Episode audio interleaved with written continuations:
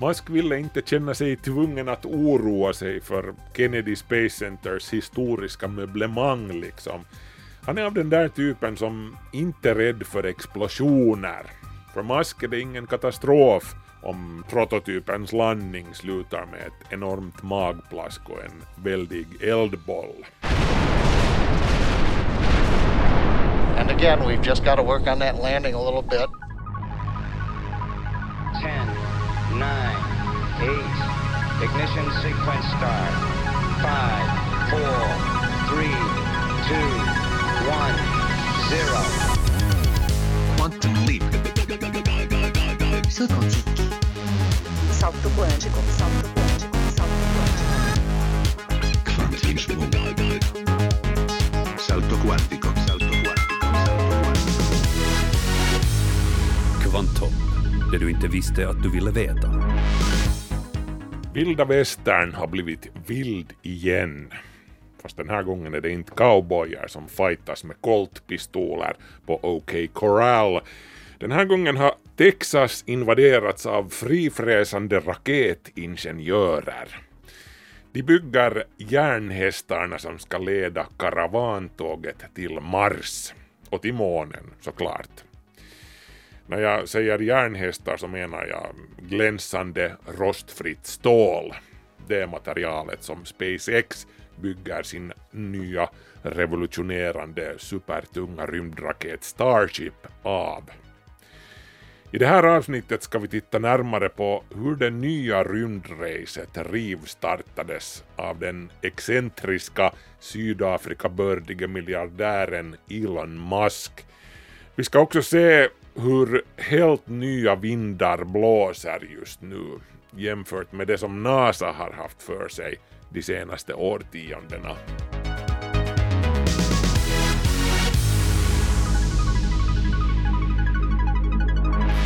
Välkommen till Kvanthopp. Jag heter Markus Rosenlund.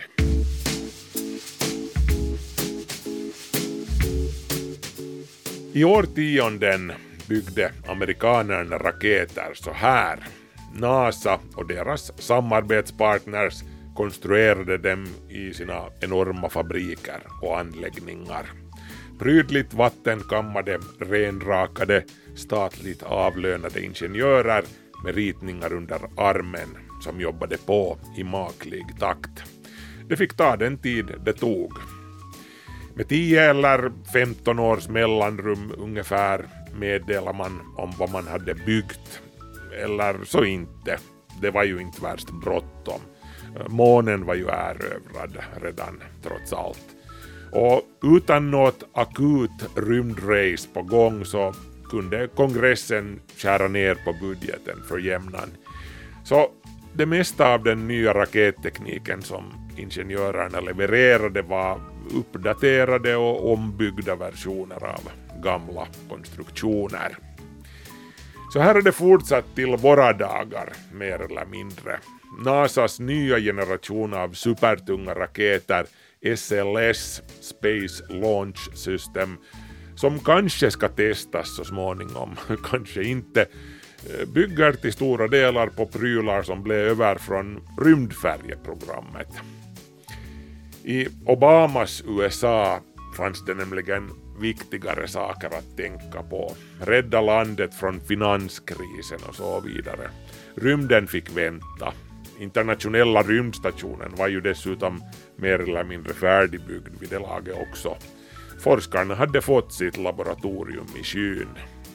Så den dyra, tungrodda rymdfärjan, plågad av olyckor och föråldrad som den var, lades i malpåse.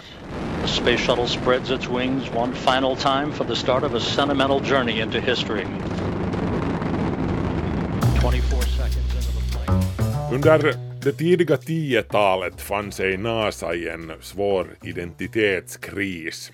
Vad ska vi egentligen med hela den här rymdgrejen till? Någon i den privata sektorn som har några goda idéer kanske, fritt fram att sträcka upp handen när som helst nu. Eh, allt det här under de vakande blickarna från en växande men frustrerad skara rymdbloggare och, och youtubare. Så här kommer då alltså Elon Musk och sträcker upp bägge armarna och hoppar jämfota med en fet joint i mungipan. Ja, det är ingen hemlighet att Musk gillar sin uh, jazz-tobak. I mean, it's legal, right? Totally legal. Okay.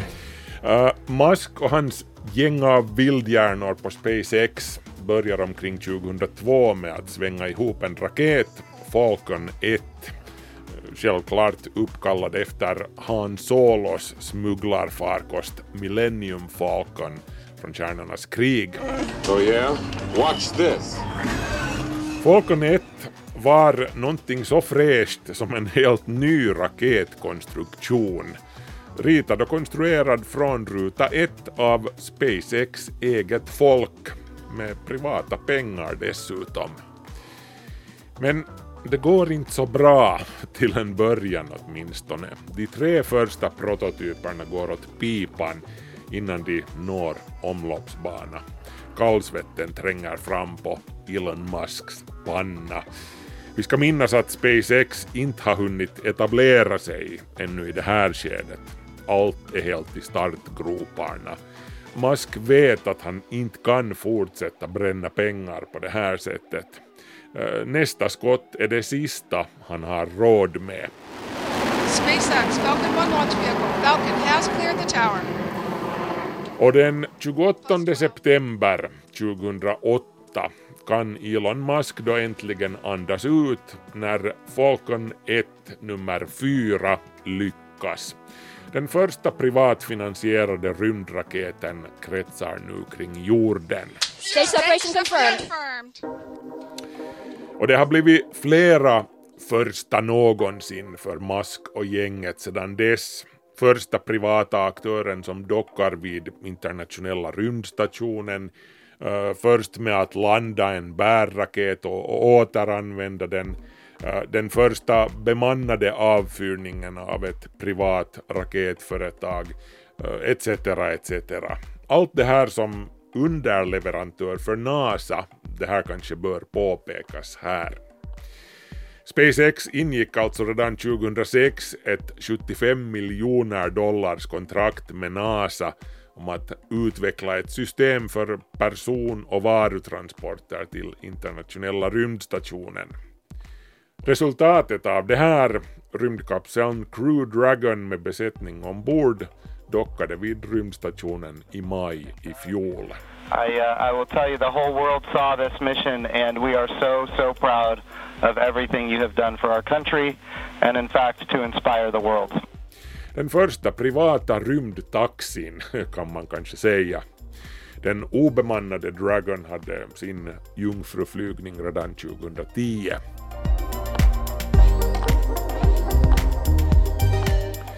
I april 2020 meddelade sedan NASA att de hade valt SpaceX som ett av tre företag som tävlar om uppdraget att bidra med månlandaren för Artemis-programmet som enligt nuvarande planer siktar på att USA ska återvända till månen så tidigt som 2024. NASA is heading back to the moon, but this time, instead of taking one step, they're hoping for a much longer stay.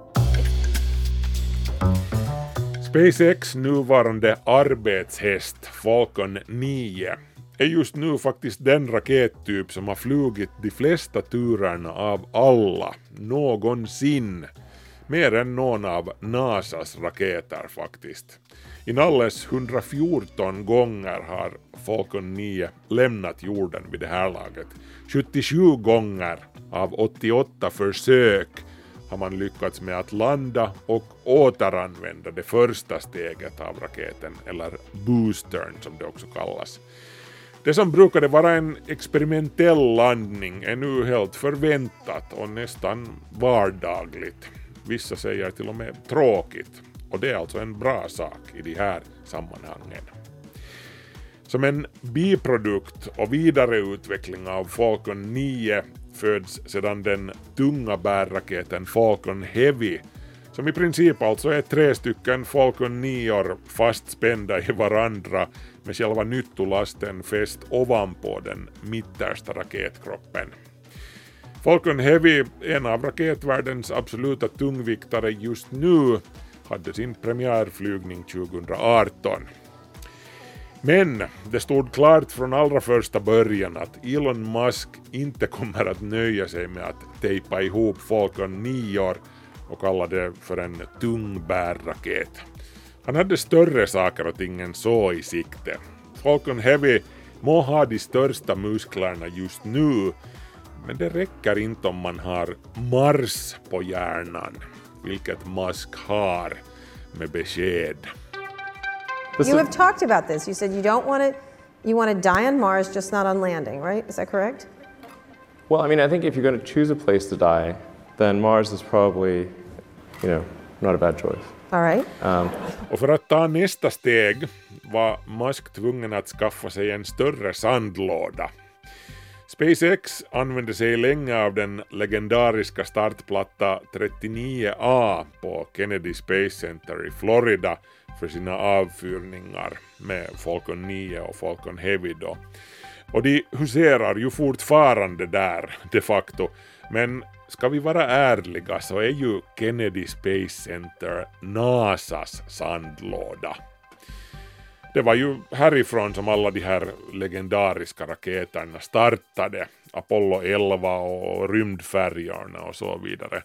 Ehm, Kennedy Space Center kommer alltid att vara förknippat med NASA och rymdfartens guldålder på 60-talet och fram till 90-talet ungefär. Kennedy Space Center är rymdfartens Mecka och Vatikanstat i en och samma plats. Och sånt trivs inte ateisten Elon Musk med. Han är inte den där typen som bugar för ikoner. Han respekterar såklart Kennedy Space Centers ärorika historia, men han har en egen historia att skriva på sitt eget väldigt speciella sätt om vi säger så. Musk ville inte känna sig tvungen att oroa sig för Kennedy Space Centers historiska möblemang liksom. Han är av den där typen som inte är rädd för explosioner. För Musk är det ingen katastrof om raketen exploderar på startplattan. Eller om prototypens landning slutar med ett enormt magplask och en väldig eldboll. And again, we've just got to work on that landing a little bit. Elon Musks motto i livet, och han älskar att citera sig själv med det här, är att du ska misslyckas. Om du aldrig misslyckas är du inte tillräckligt innovativ. Och gudarna ska veta att hans väg till framgång är kantad med motgångar. Om vi sen talar om tiden med Paypal eller Tesla eller SpaceX. Som sagt, Falcon 1 och dess många haverier. Men det här är inte hur NASA arbetar. För dem är ett misslyckande ett misslyckande i mycket högre grad än för Musk. Eh, NASA måste förklara sig och sina tabbar inför politikerna, som i sin tur måste förklara sig inför sina väljare. Så NASA tar gärna det säkra för det osäkra. NASA tycker om ritningar och möten, riskanalyser och strategier. Musk däremot, han tycker om att släpa ut sina prototyper på en åker, ducka bakom en vägg och sätta fyr på dem. Så här har han alltid jobbat mer eller mindre. Motorerna som driver SpaceX raketer, Merlin som driver Falcon-raketerna och den tunga Raptorn som sitter under plåten på Starship har inte kommit till i laboratoriet så mycket som ja, i, i fält. De har uttryckligen kommit till genom att testa sig från den ena exploderande prototypen till den nästa. Och de har alla kommit till tack vare SpaceX hemliga vapen, raketingenjören Tom Mueller som utvecklade förstadiet till Falcon-raketernas motorer hemma i sitt garage i Los Angeles. All the dishes are rattling and the kids are scared. Yeah, that was us. and we've done crazy stuff like that a few times. Mueller var en av medgrundarna när SpaceX blev till 2002. Enligt hur den urbana legenden går dök Elon Musk upp i lagerlokalen där Mueller testade sin hembyggda motorprototyp och ställde Mueller en enkel fråga. Kan du bygga någonting större? Och här är vi nu idag med Starship, den största raket som världen någonsin har sett, som växer upp inför våra ögon. Hur som helst, poängen är Merlin och Raptor. De är alltså engelskans namn för olika falkar för övrigt. Eh, de bygger inte på någon teknik från 60-talet eller på några av Werner von Brauns kvarlämnade skisser. De är i minsta detalj unika SpaceX-skapelser, det här årtusendets teknik tillkomna till synes av ren skaparglädje, sånt där som bara händer då pappa är på stugan och, och grabbarna är ensamma hemma i garaget. Och Musks och Muellers cowboyfasoner har gett utdelning, bevisligen. Och de är ju faktiskt inte de första som använder sig av den här tekniken. Ryssarna de körde med samma strategi då i början på den legendariska Sergej Koroljevs tid. Också han tyckte om att ta ut svängarna och, och kasta saker på väggen för att se vad som fastnar. Och se vad det ledde till. Laika, Sputnik, Gagarin etc. etc. Men dagens raketutveckling sker inte i någon sorts sibiriskt vakuum långt borta från Moskvas nyfikna blickar. Många skulle säkert ha gett upp redan efter den andra eller tredje explosionen. Men Musk och Mueller har envist torkat soten ur pannan och gått vidare. Och som resultat har de nu de mest solida och gedigna raketmotorerna som någonsin har flugit. Det är ett faktum. Med en ytterligare fördel dessutom som ingen annan kan skryta med. Musks raketer är återanvändbara. Man kan inte understryka det här nog. Till SpaceX strategi har alltså från första början hört att raketerna med tiden ska gå att flyga på nytt.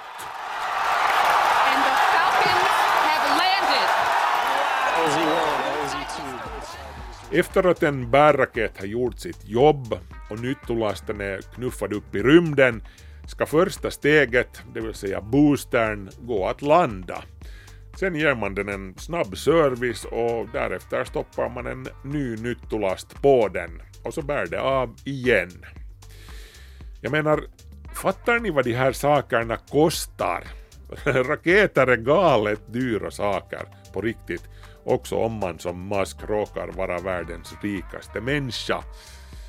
Ändå har det varit och är fullkomligt naturligt för aktörer som NASA, Roskosmos, ESA och de andra statliga aktörerna att raketer är slit och släng Elon Musk har jämfört det här med ett flygbolag som köper en stor Airbus eller Boeing och flyger med den en gång och sen skrotas den.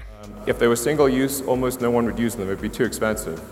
Jag menar, en chef för ett flygbolag skulle ju skrattas ut ur rummet av sin styrelse om hen föreslog att vi kör med engångs jumbojettar. Så, så, varför har det här varit den rådande affärsmodellen för världens rymdstyrelser i mer än ett halvt sekel? Nå, kanske för att NASA och de övriga inte har behövt oroa sig för pengarna på samma sätt som små privata bolag. Så länge fyrkan kommer ur statsbudgeten så fixar vi det på något sätt också med engångsraketer. Musk och de övriga privata raketbossarna, de har inte råd att jobba så här. De ska ju tjäna pengar på det här, det är en affärsverksamhet för dem. Så de behöver kunna erbjuda en konkurrenskraftig produkt. Och vilken är då deras produkt? Jo, de förflyttar saker och folk från jordens yta till rymden för kundernas räkning så förmånligt som möjligt. Och tänk nu hur mycket billigare du kan skjuta iväg en satellit åt din kund om boostern, som för en Falcon 9 kostar sådär 37 miljoner dollar, 60 procent av hela farkostens värde, om den kan återanvändas. Tänk nu hur mycket pengar du kan tjäna och hur mycket du kan sänka dina priser i förhållande till konkurrenterna om en avfyrning i princip bara kostar det som bränslet kostar och, och lönekostnaderna för personalen på startplattan. Det här har alltid varit Elon Musks målsättning, åtminstone på längre sikt. Och SpaceX har faktiskt blivit väldigt bra på det. Att landa en booster efter utfört uppdrag har blivit rutin med åren. De har alltså enskilda Falcon 9 boosters som har flugit uppemot 10 gånger. According to Musk, each Merlin engine could perform up to 1000 flights without major refurbishment.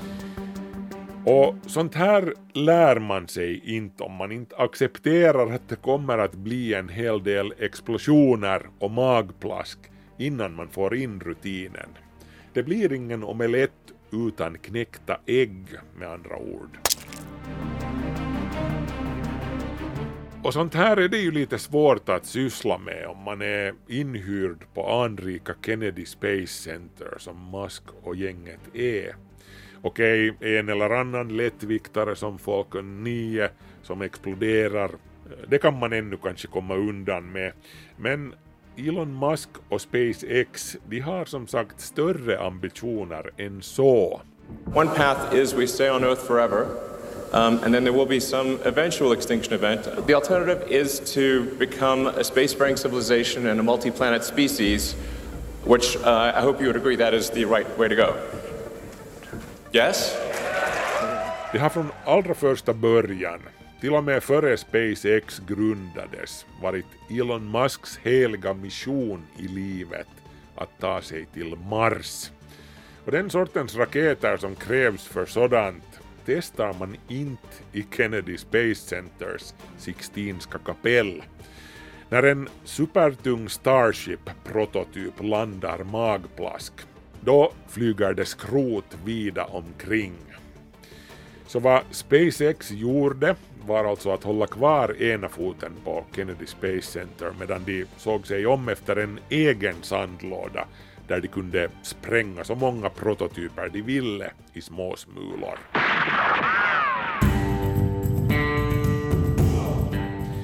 2014 meddelade Musk att man hade valt ut byn Boca Chica i södra Texas som sin kommande bas. Själva kommandocentralen skulle ligga i byn medan raketbasen skulle byggas några kilometer öster om samhället. Och till en början så hände det nu inte sådär jättemycket i praktiken där nere i, i Boca Chica, men 2018 började saker och ting ta fart. I det här skedet stod det klart att Boca Chica uttryckligen skulle koncentrera sig på den nya supertunga rakettypen som ännu i det här skedet officiellt kallades BFR. Falcon 9 och Falcon Heavy fick hålla sig i Florida på Kennedy Space Center. Ja, apropå det här namnet BFR, det här är ännu ett exempel på Elon Musks respektlösa glimten i ögat. BFR är alltså en förkortning av Big Fucking Rocket, även om Musk, lite beroende på sällskapet, också kunde tala om Big Falcon Rocket. Men jag menar, det är ju, när det kommer till kritan, en, en ganska träffande beskrivning. EFSR på svenska, en förbannat stor raket.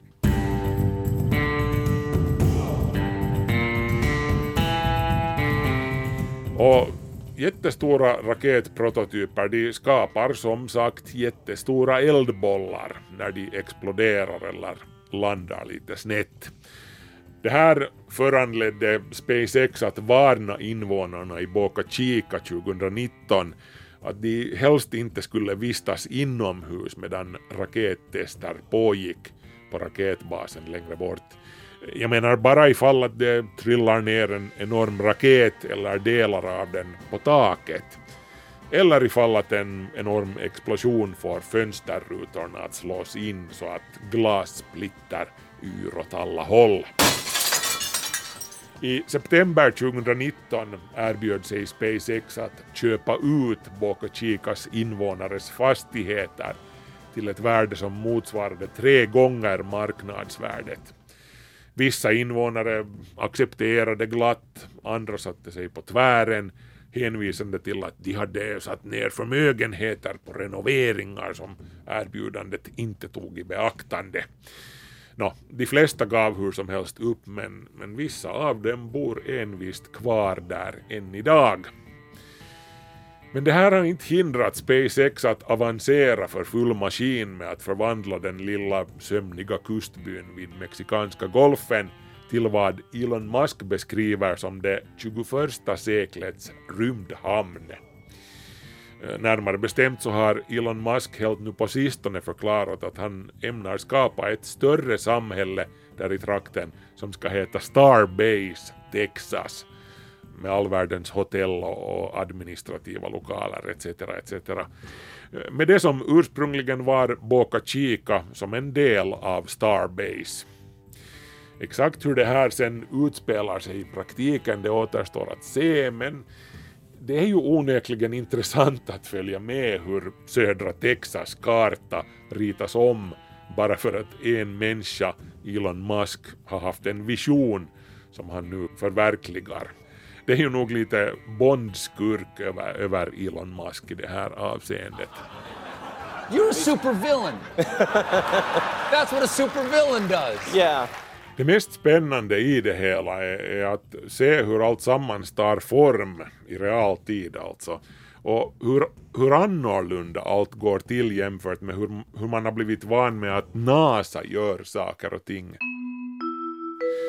Som sagt, NASA gör saker enligt ett klart och tydligt manuskript. Man börjar från en, en färdig plan som omfattar en mängd underleverantörer bland annat. De är sen alla beroende av varandra av att alla länkar i kedjan levererar enligt tidtabellen. NASAs planerare de försöker sen springa där som spindlar i nätet och, och påminna om, om budgeten och om deadlines och liknande. Och allt utgår mer eller mindre från de rådande anläggningarna och testfaciliteterna. Med andra ord, raketen byggs utgående från fabriken. SpaceX däremot, de gör samma sak helt tvärtom. Hos dem byggs fabriken runt raketen. I Boca Chica började man med en tom åker. Mitt på den riggade man upp en rudimentär startplatta och några bränslecisterner och annat krafs. Sen började man skjuta. Och an eftersom man såg vartåt det barkade fyllde man sen på med de byggnader och annan diverse infrastruktur som krävdes. Eller jag borde kanske inte använda imperfekt här, det är ju presens i allra högsta grad. Boka Chica-anläggningen växer varje dag så det knakar och det går med en otrolig fart. Allt det här pågår alltså samtidigt som raketerna provskjuts och exploderar på plats och ställe, ofta med en sån fart att man inte ens har hunnit städa undan det svedda bråtet från den förra prototypen innan nästa står där och tankas på, på startplattan. Sedan april 2019 har SpaceX testat tio olika prototyper av Starship i Boca Chica inte med avsikt att ta dem upp till rymden, snarare kortare vertikala stigningar inuti atmosfären, max 10 kilometer upp. Men alltså seriöst, 10 prototyper på mindre än två år. Man måste gå tillbaka till 60-talet för att hitta en liknande intensitet i raketutvecklingen. Nå, hur som helst, av de här tio prototyperna har de fem senaste exploderat eller landat på tok för hårt och sedan exploderat. För en utomstående observatör hade hela lätt kunnat uppfattas som ganska kaotiskt och, destruktivt.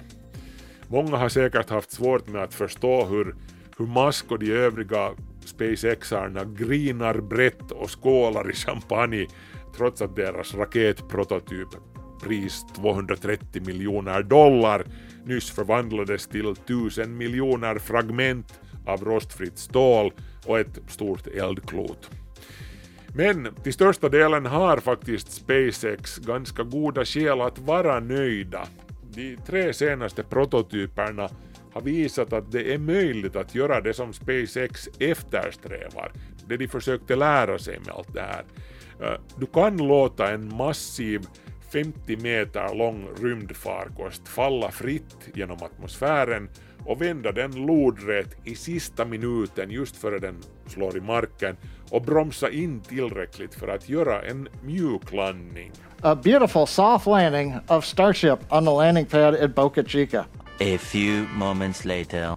Oh, oh god, it just blew up. It just blew up.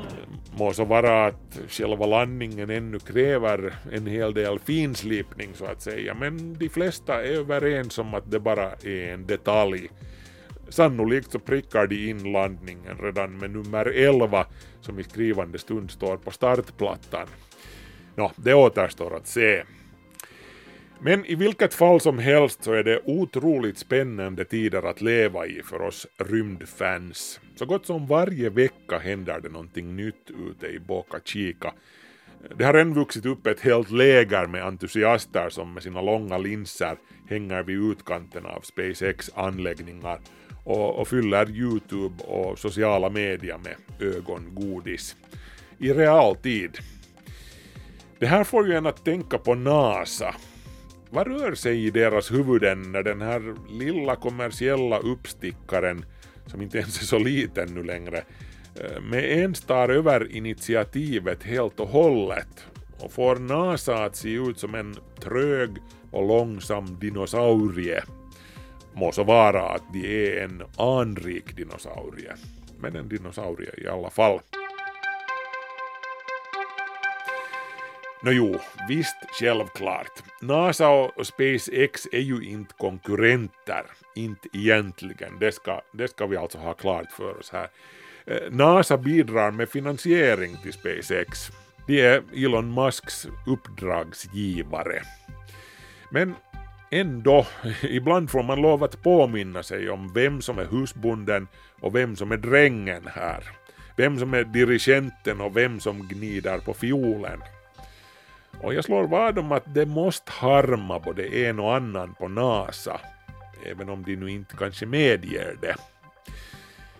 Ja, jo, men i alla fall, sist och slutligen så, så behöver ju nog både NASA och SpaceX påminna sig om att utmaningarna som väntar, ett återvändande till månen och därefter den riktigt stora showen Mars, kräver allas insats. Elon Musk må vara den här karismatiska rymdcowboyen med de stora visionerna, men han kommer inte att fixa Marsresan utan NASAs muskler och erfarenhet. Trots allt, NASA har mjuklandat fem stycken rovers på Mars. Elon Musk har inte i skrivande stund mjuklandat ens sin egen Starship en enda gång, ens på sin egen bakgård. Eh, NASA, de må jobba långsamt men man kan inte förneka att de kan sin sak efter alla dessa år. En bemannad flygning till Mars kommer att kräva att USA kombinerar de bästa bitarna från NASAs kommittétänkande och eftertänksamma approach med SpaceX otåliga och brinnande vilda västern pionjäranda huvudet i molnen och fötterna på jorden. Det är vad som krävs. Neil Armstrong reporting the roll and pitch program which puts Apollo 11 on a proper heading. Hur som helst så kommer det att bli en jäkla häftig show det här. Det kommer att kräva mycket popcorn. Nästa vecka fortsätter vi på samma spår här i, i Kvanthopp. Då kommer du att få veta allt det där som du inte visste att du ville veta om Starship, mänsklighetens kommande taxi till stjärnorna. Eller nåja, till månen och till Mars kanske. Men man måste ju börja någonstans.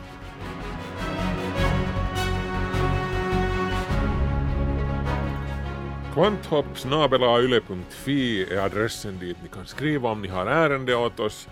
Vi hörs nästa vecka, det blir ett nytt Kvanthopp igen på lördag. På Yle Arenan hittar ni det och så kan ni också titta in på vår Facebook-sida om ni vill.